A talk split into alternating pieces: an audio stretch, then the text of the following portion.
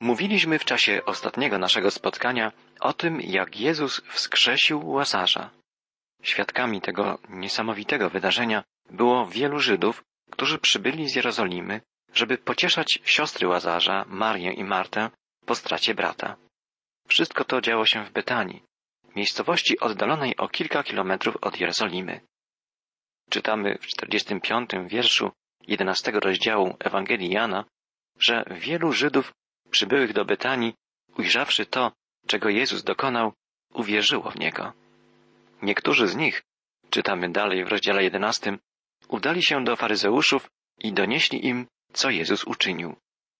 A w wierszu 47 czytamy Arcykapłani i faryzeusze zwołali więc posiedzenie Sanhedrynu, Rady Najwyższej, i zastanawiali się, co robić. Ten człowiek dokonuje tylu cudów. Cud, który Jezus uczynił w Betanii, był znakiem jego władzy nad śmiercią. Tego żydowscy przywódcy religijni nie mogli zignorować.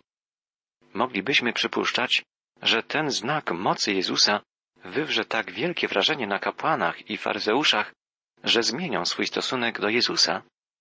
W czasie pośpiesznie zwołanego posiedzenia Wysokiej Rady padły słowa On czyni wiele cudów. Te słowa wypowiadają wrogowie Jezusa. Nie przeczą więc, że Jezus dokonuje cudów. Dodają jednak, co w takim razie z nim zrobić? Jak się go pozbyć? Nie chodzi tu więc o brak materiału dowodowego mocy Jezusa. Umysłami faryzeuszów i kapłanów zawładnęła nienawiść. W ich sercach rozpanoszyło się uprzedzenie i niewiara. Czegokolwiek by Jezus jeszcze nie dokonał, i tak myśleliby tylko o jednym jak się go pozbyć.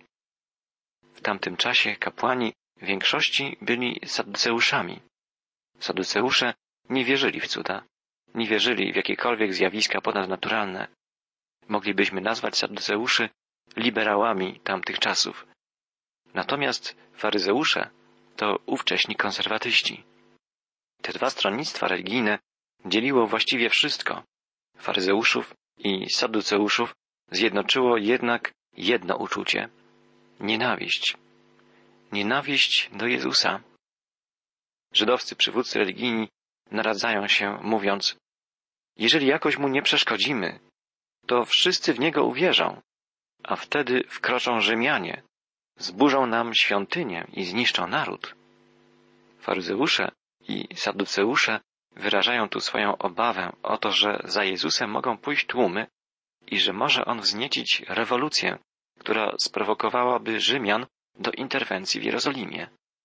Ta ich obawa jest jednak tylko wierzchołkiem góry lodowej ich wielu obaw. Obawiali się jakichkolwiek zmian. Bali się zmian, które mogłyby zagrozić ich interesom. Objawiali się obnażenia ich hipokryzji, odsłonięcia ich prawdziwego oblicza. Konfrontacja z Jezusem byłaby dla nich zbyt niebezpieczna. Obawa, lęk jest i dzisiaj jednym z najczęstszych powodów odtrącania Jezusa przez człowieka. Ucieczki ludzi od prawdy biblijnej, ucieczki przed Bogiem i Jego Słowem. Dalej czytamy. Wówczas jeden z nich, Kajfasz, który w tym roku był arcykapłanem, powiedział Wy nie wiecie, w czym rzecz. Nie rozumiecie, że lepiej dla nas, aby jeden człowiek umarł za lud, a nie ginął cały naród.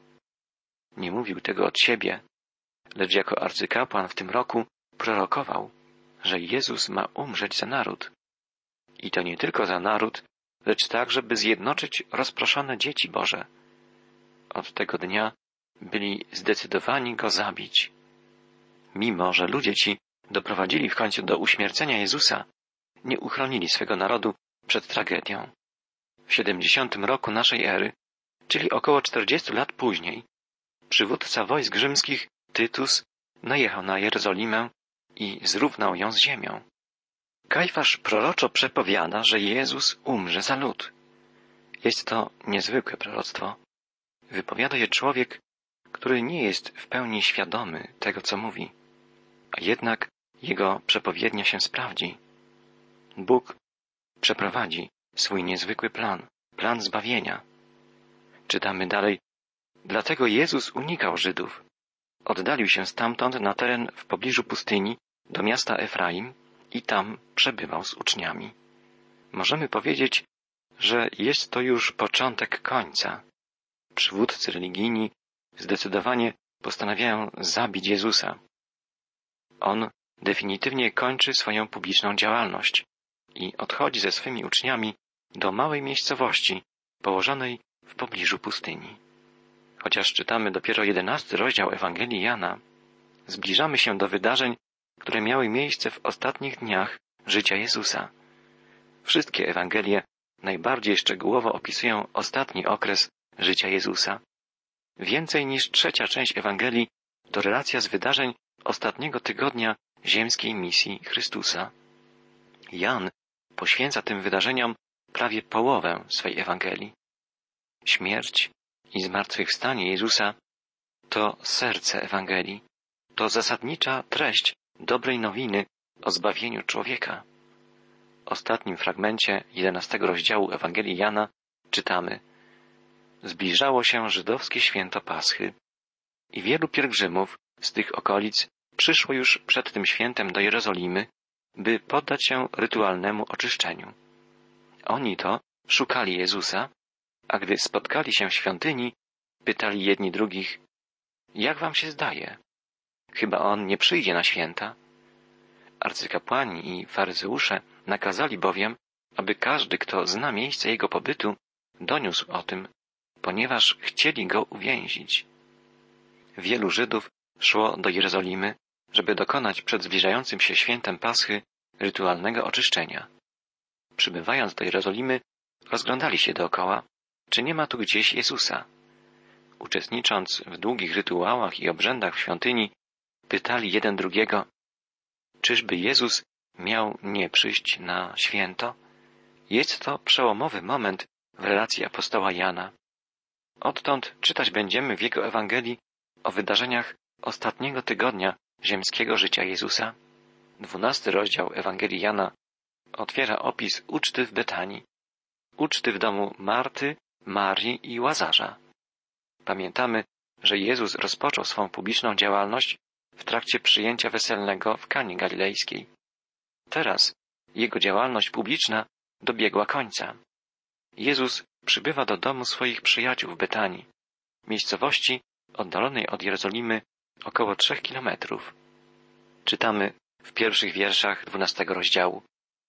Tymczasem Jezus na sześć dni przed Paschą przyszedł do Betanii, gdzie mieszkał Łazarz, któremu przywrócił życie.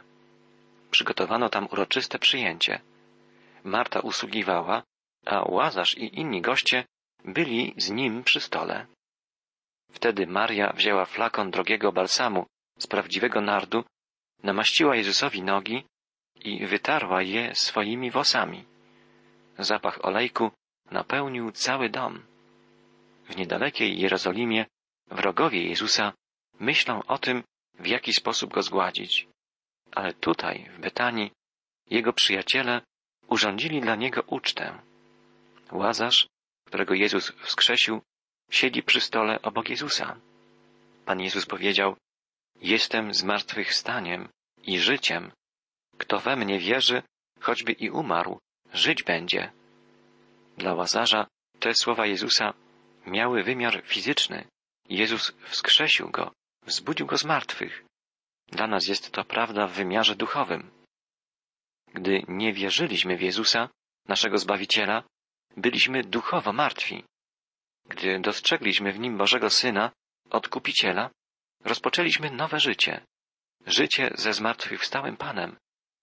Tym, który mówi, każdy, kto żyje i wierzy we mnie, nie umrze na wieki.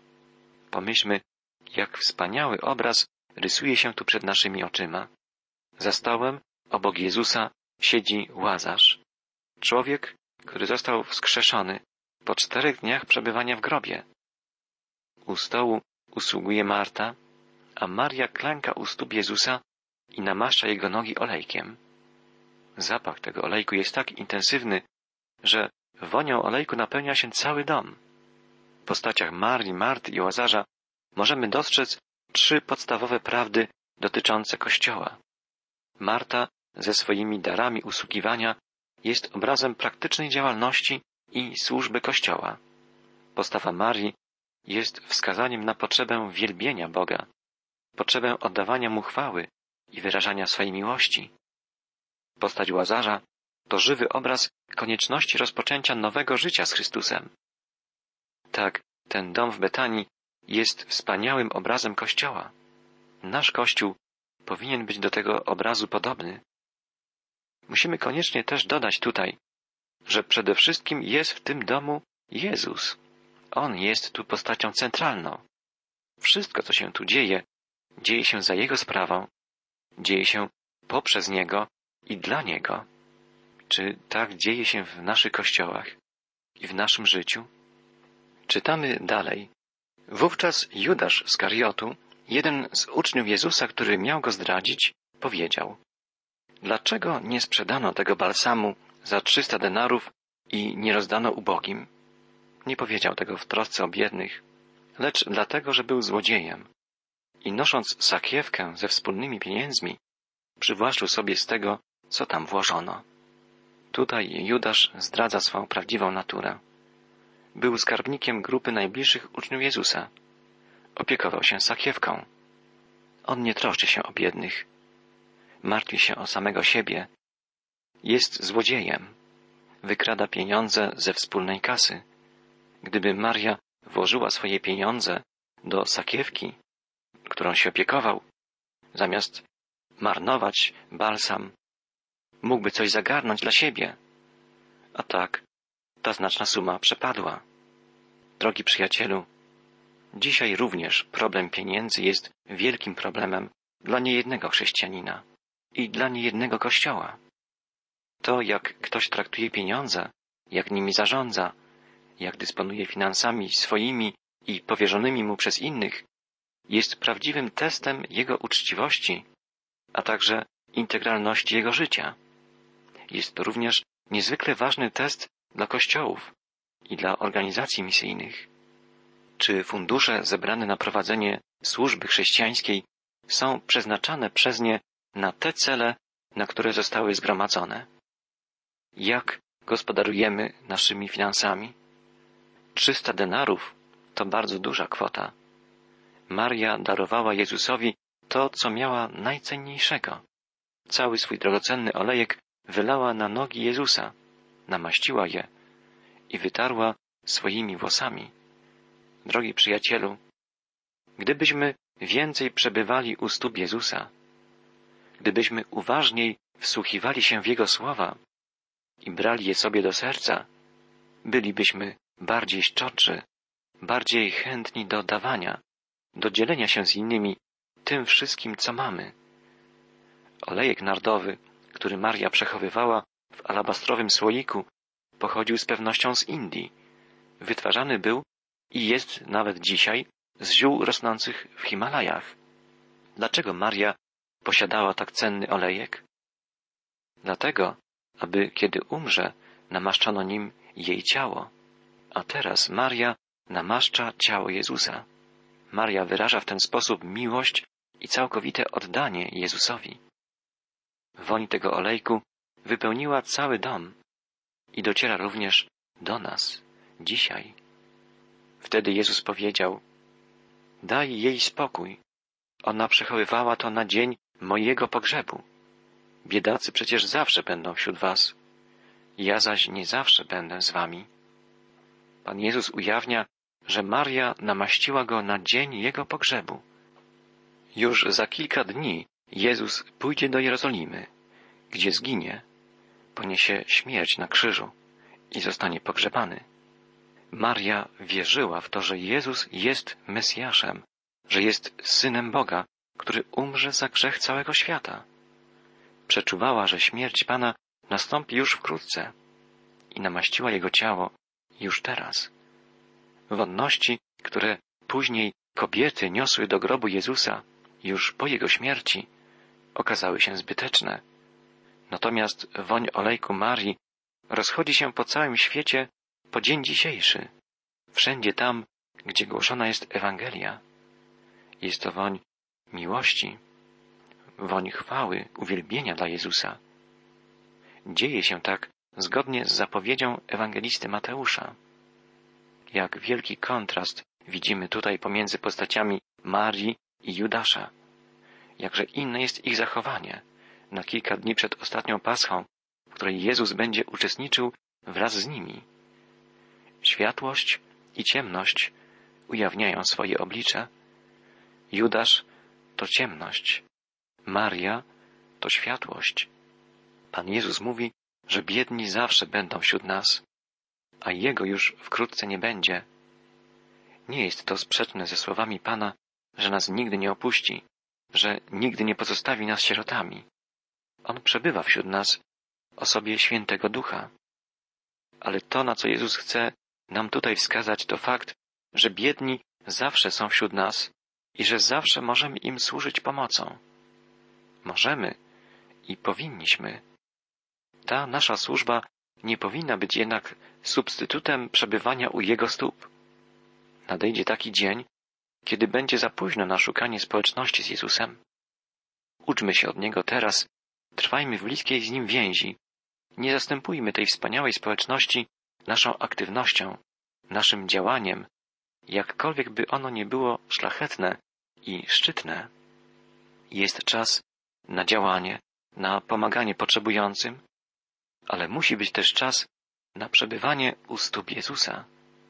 Dalej czytamy, wielu pielgrzymów żydowskich dowiedziało się, że Jezus przebywa w Betanii. Przyszli tam i to nie tylko ze względu na Jezusa, ale także by zobaczyć Łazarza, któremu on przywrócił życie. Wtedy arcykapłani postanowili zabić również Łazarza, ponieważ z jego powodu wielu Żydów odeszło i uwierzyło w Jezusa. Gdy patrzymy na arcykapłanów, możemy ich postawę określić jednym słowem nienawiść. Nienawidzą Jezusa. Postanowili go zgładzić. Są gotowi zgładzić także łazarza, bo jest żywym dowodem mocy Jezusa. Nie są w stanie zrewidować swoich poglądów, bo zaślepia ich nienawiść, a także zawiść. Dla nich nie liczą się fakty, dowody i znaki boskości Chrystusa. Dla nich liczy się tylko ich pozycja i źle rozumiana tradycja i duma narodu. Nie bądźmy uczniami arcykapłanów. Nie bądźmy dziećmi nienawiści i zazdrości. Bądźmy uczniami Jezusa. Bądźmy dziećmi miłości. Skłońmy głowy w modlitwie. Panie, przemieniaj nasze serca. To jest tak bardzo potrzebne.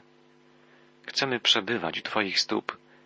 Chcemy wsłuchiwać się w Twoje słowa i chcemy innym służyć pomocą, prowadzeni przez Ciebie, wsłuchani w Twoje słowa, kochani przez Ciebie i również kochający.